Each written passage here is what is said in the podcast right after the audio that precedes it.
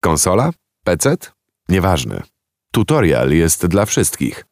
Kolejny gość w kolejnym y, tutorialu, Mateusz Kapusta. Cześć, dzień dobry. Cześć. Zwany jako Gucio. Czy jakieś cyferki tam z, za Guciem? 1846. Dobra. 18 mój numerek, 46 Valentino Rossi. Jakby ktoś cię poszukiwał, a no to już jak powiedziałeś o Valentino Rossi, to zaskoczenia żadnego nie będzie. E, dlaczego się tu spotykamy? E, słuchaj, jak to w ogóle wszystko się zaczęło? Dlaczego ty poszedłeś w stronę, no właśnie, tego sim racingu, ale nie tego, w który każdy idzie, czyli bardzo czterokołowego, najprzeróżniejszego, tylko jednośladowego? Po prostu od dziecka byłem fanem wyścigów motocyklowych. Nie mogłem tego robić na żywo wcześniej. To była jedyna taka odskocznia i zamiennik w zasadzie, który mogłem sobie spełnić swoje wyścigowe marzenia i też daje no, trochę rywalizacji i dreszczyku emocji, zwłaszcza jak są jakieś fajne wyścigi online. No i tyle. Zawsze za każdym razem, jak widziałem wyścig MotoGP w telewizji, to potem od razu konsola już się chciało jechać, ten sam tor, tym samym zawodnikiem. I tak działało od dziecka. Ile, to pamiętasz tą pierwszą grę, w którą tak na poważnie zacząłeś grać? Na poważnie? Bo ja pamiętam swoją pierwszą grę motocyklową, ale... Znaczy, pierwszą grę motocyklową też pamiętam, ale wtedy czy na poważnie? Nie wiem, Superbike 2001. Wtedy już tak nie mogłem się odkleić. Okay. Czyli nawet nie MotoGP, nawet nie Rossi, no Ruki Haga wtedy. A później rzeczywiście odkąd zaczęły wychodzić te gry z serii MotoGP, no to już regularnie. No tak, i ta, ta seria MotoGP chyba najlepiej, znaczy to chyba taka jedyna seria, która ma ten odpowiednik mhm. e-sportowy w tym tak momencie. Jest. Słuchaj, no i co trzeba zrobić, żeby zostać takim zawodnikiem? No właśnie, to są treningi, umiejętności, jakiś, e, no nie wiem, bo to często się o tym mówi też już we sporcie, że tr trzeba mieć to coś do danej gry. Nie wiem, czy ja mam to coś, ale na pewno trzeba mieć jakąś smykałkę. Nie każdy wyczuwa takie rzeczy. W samochody wydaje mi się, że może zagrać dosłownie każdy i prędzej czy później sobie wyrobi to wszystko, a motocykle, no, no trudniej, wywalają się jednak. I to bardzo Nawet, łatwo. Tak, bardzo łatwo. Przód puszcza, tył, uślizgi, trzeba więcej rzeczy kontrolować, na więcej rzeczy zwracać uwagę w trakcie jazdy. Do tego jeszcze dobrać odpowiednią linię, linię przejazdu. One się tak śmiesznie pochylają czasem dla kogoś, kto jedzie pierwszy raz. I wtedy wszyscy jadą od lewej do prawej, nie mogą się zmieścić w torze. Więc po prostu trzeba to chyba lubić. A jak już się to lubi, no to potem się po prostu gra. No i wiadomo, im więcej się gra, im więcej się trenuje, tym jest po prostu lepiej, ale też można się przetrenować. Są dni, że po prostu gra się trzy dni z rzędu i wydaje się, że nic nie idzie. Odstawia się grę na noc, rano się budzę, pół sekundy szybciej. Te pół sekundy w tym esportowym świecie to jest też taka duża różnica jak w prawdziwym MotoGP? Tak, to jest ogromna różnica. Właśnie, bo ja nie wiem, chyba powinniśmy wytłumaczyć, bo to jednak, wiesz, ludzie, którzy nie kumają, nigdy nie oglądali może wyścigów MotoGP, to musimy powiedzieć, że ta różnica półsekundowa to już jest kolosalna różnica czasami. No, pół sekundy w esporcie to jest 50 miejsc do, do góry w rankingu, na przykład w Mistrzostwach Świata. To dużo. Bardzo dużo. Słuchaj, no i jak się, jak wygląda ta, ta drabinka? W sensie, co trzeba zrobić, żeby żeby dobić się do tego świata e-sportowego? W zasadzie z MotoGP jest o tyle łatwo, że wystarczy mieć grę. Nie ma jakichś tam wymagań, które trzeba spełnić. Więc po prostu trzeba zacząć grać i są takie eliminacje co roku przy okazji Mistrzostw Świata. I ta największa, taka najszybsza grupa z tych eliminacji to są zwykle dwie, trzy osoby na jedną rundę eliminacyjną, to się zmienia co roku. Oni wchodzą dalej dopiero już do takich półfinałów, aż w końcu do ścisłego finału, który rozgrywa się w Walencji podczas również ostatniej rundy MotoGP. Ale w eliminacjach może wziąć udział po prostu każdy. Tylko, że no to nie ma sensu też, jak jest 2000 osób z całego świata i ktoś tam traci 5 minut do pierwszego, no ale sobie spróbować może, jasne, dlaczego nie. Ale dopiero tak od setki do pierwszego miejsca zaczyna się takie prawdziwe ściganie. Już widać, że tam się wszyscy starają i jest bardzo, bardzo duży ścisk i ciężko się przebić. Jest z roku na rok coraz trudniej, to się robi coraz bardziej popularne, jest coraz więcej graczy, coraz więcej szybkich i młodych. Na przykład ja widzę już po sobie, że nie do końca za nimi nadążam, chociaż robię co mogę, no i wiadomo, nigdy tanią skóry nie sprzedam, więc będę próbował dalej, ale jest rzeczywiście coraz trudniej. Jak wyglądają w takim razie te przekładki z kolejnych edycji? No bo większość tych dużych gier sportowych i też jak rozmawiałem ostatnio o, o F1 y, z kimś na tej antenie, no to był, był ten problem, że jednak ta gra zmienia się co roku. Tak jest. To są drobne różnice, przeważnie, ale jednak siada się do nowej części pierwszy raz i wszystko się zmienia i takie wrażenie się ma, że trzeba znowu uczyć się grać od nowa. Teraz w MotoGP 20 poszli troszeczkę dalej i poprawili bardzo w stronę symulacji hamowanie przodem. Musimy powiedzieć, że mhm. MotoGP 20 to jest ta edycja, która będzie Dopiero będzie. Dopiero będzie Tak. i dopiero w, te, w tej będą się rozgrywać wszystkie Mhm. mistrzostwa. Bo Dokładnie. wiesz, też te gry, które teraz wychodzą, w sensie FIFA, no wychodzi 21, mimo że rok 20. No, Dokładnie. dobra. no ale to To jest tak podłatwane zawsze, niestety.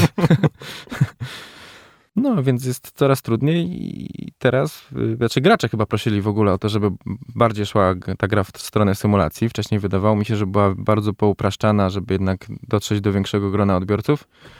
No ale to mi się podoba. Jest trudniej, więcej trzeba wykazać jakichś swoich umiejętności, to wydaje mi się, że jest lepiej. dla mnie zawsze to było hardkorowe spotkanie z grami motocyklowymi na konsoli. I cały czas tak mam, że zawsze jak odpalam nową grę motocyklową, to przez pierwsze 2-3 dni droga przez mękę. No to właśnie miałem to szczęście, że od dziecka jakoś gładko mi to zaczęło iść. Nigdy nie miałem problemu. Jeszcze o pada muszę cię zapytać, bo to Mhm. też jest e, ciekawa kwestia, że w tym sim, sim racingu samochodowym tam wiesz, kierownice za dziesiątki tysięcy złotych i tak dalej, fotele, nie fotele, skrzynie biegów, wszystko praktycznie jak w normalnym samochodzie, a u ciebie? U mnie jest zwykły podstawowy kontroler od PlayStation 4. I Nic żadnych, więcej. nigdy, wie, nigdy nie próbowałeś podmianek, tam wiesz, jakieś tutaj... Nie próbowałem, dlatego że to chyba nawet nie ma sensu, bo jest jakiś regulamin przewidziany na Mistrzostwa Świata. Co prawda do finału nie dotarłem nigdy, chociaż byłem tam 4 lata temu blisko, byłem 11 chyba w eliminacjach. Ale w finale ten regulamin sprawia, że musisz jeździć na tych podstawowych kontrolerach. Więc jak ja się przyzwyczaję do jakiegoś lepszego, który sobie kupię za 6 stówek, będzie mi super, a potem to, i tak... znaczy, no faktycznie jest tak, że nawet jakbyś, no nie wiem, no przecież są kontrolery, które są dedykowane do konsoli, Razer takie robi i tak dalej. Tak, ale regulamin Mistrzostw Świata nie przewiduje Ciekawe. tego. Tam jest wszystko podstawowe. Jak spojrzeć na tych zawodników, to grałem na tych standardowych padach, więc nie ma sensu się przestawiać, przyzwyczajać, a potem, haha, może by mi się udało dostać do finału i nagle no, miałbym problem. Muszę cię jeszcze o tą społeczność zapytać. Mhm. Y, Czy ona jest duża w tym świecie sportowo MotoGP? O dziwo tak. W każdej el- eliminacjach jest bardzo wielu graczy. Chociaż wiadomo, najwięcej jest Hiszpanów i Włochów. No tak. U nich to jest najbardziej popularne. No Polaków jest teraz, teraz też coraz więcej i bardzo jestem z tego zadowolony, że trochę to ruszyło. Zresztą taki był cel, żeby było nas tam trochę więcej.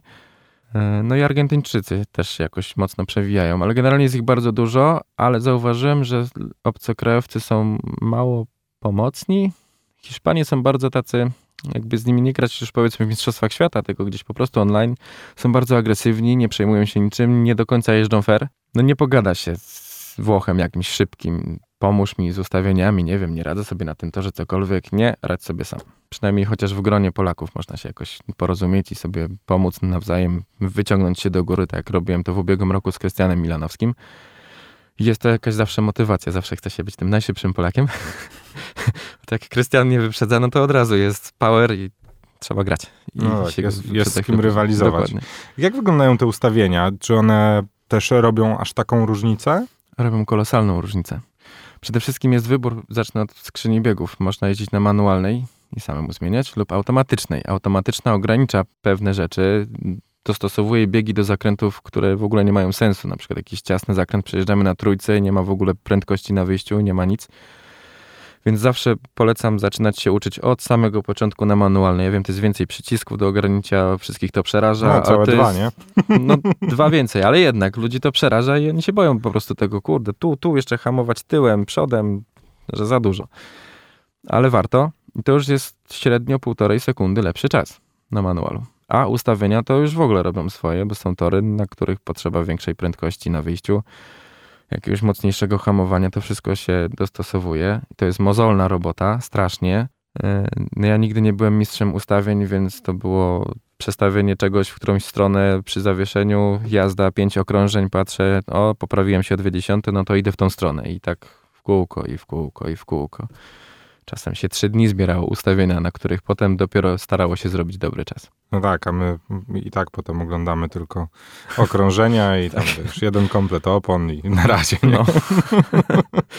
Swoją drogą to ciekawe, bo to też pokazuje, no właśnie, ten świat od środka, że to nie tylko testy, kwalifikacje i, i sam wyścig, ale no, robota dookoła tego wydawałoby się dosyć prosta, bo przecież to Proste maszyny, no proszę pana. Już No. motocykle to w samochodach to jest skomplikowane, w motocyklach to przecież tam dwa koła, trochę śrubek, trochę plastików i tyle, nie?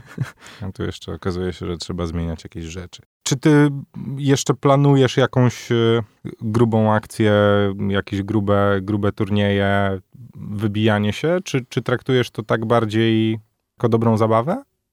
Zawsze to trak- traktowałem jako dobrą zabawę. Nie robiłem to tylko dla siebie. No teraz dołączyłem do zespołu Szkopek Team, więc już jest trochę inaczej. teraz już nie staram się uzyskiwać dobrych wyników tylko dla siebie i machnąć ręką, jak coś pójdzie nie tak. Teraz wiem, że znaczy jakby nikt nie rzuca na mnie presji żadnej, że ma, ty musisz po prostu wygrywać i ich tam niszczyć. Nie, co jest fajne.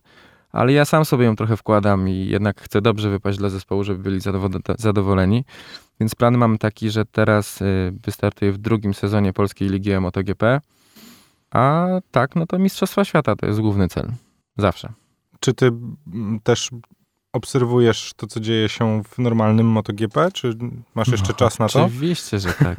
Nie odpuszczam żadnego wyścigu, no to jest moje życie. Bo ja to wiesz, już złapałem się na tym, że czym, czym człowiek starszy niestety, to już tego czasu trochę zaczyna brakować w weekendy, a szczególnie jeszcze jak sobie myślę o tym, że wiesz, to trzeba było przed tym wyścigiem się przygotować, zobaczyć jeszcze jakąś tam sesję kwalifikacyjną najlepiej. Cały czas y, twardo. Tak, twardo. Znaczy wiadomo, no czasem jak się gdzieś jechało na tor, no to się opuszczało wyścig, ale jak tylko wracałem, to od razu gdzieś w internecie musiałem poszukać, obejrzeć, nie mogłem czegoś takiego przepuścić i pewnie będę starał się nie przepuszczać co najmniej dopóki będzie jeździł Rossi dalej. tak, nie ma dziwne. ale myślę, że nawet jak przejdzie na emeryturkę, to i tak będę oglądał. No, to jest już No, głęboko super. we mnie zakorzenione. Zawodników z jego stajni, których można obserwować, to też kilku już ładnych jest. No. Tak, ale o dziwo mam innych faworytów poza Rossim. no proszę, no to dawaj, chwal się. Oczywiście Taka Nakagami.